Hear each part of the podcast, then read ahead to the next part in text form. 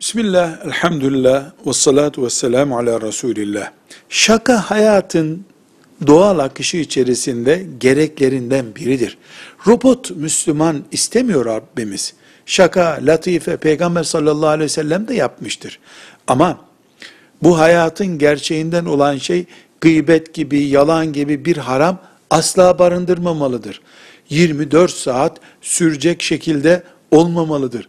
Cana zarar vermemelidir. Dinle alay etmemelidir. Allah'ın şeriatına ait inceliklerinden biri eğlence konusu yapılmamalıdır.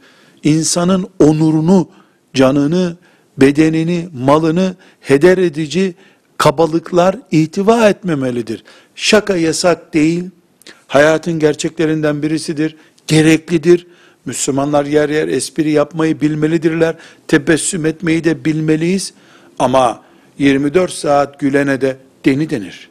Delirmeden şaka yapılabilir. Velhamdülillahi Rabbil Alemin.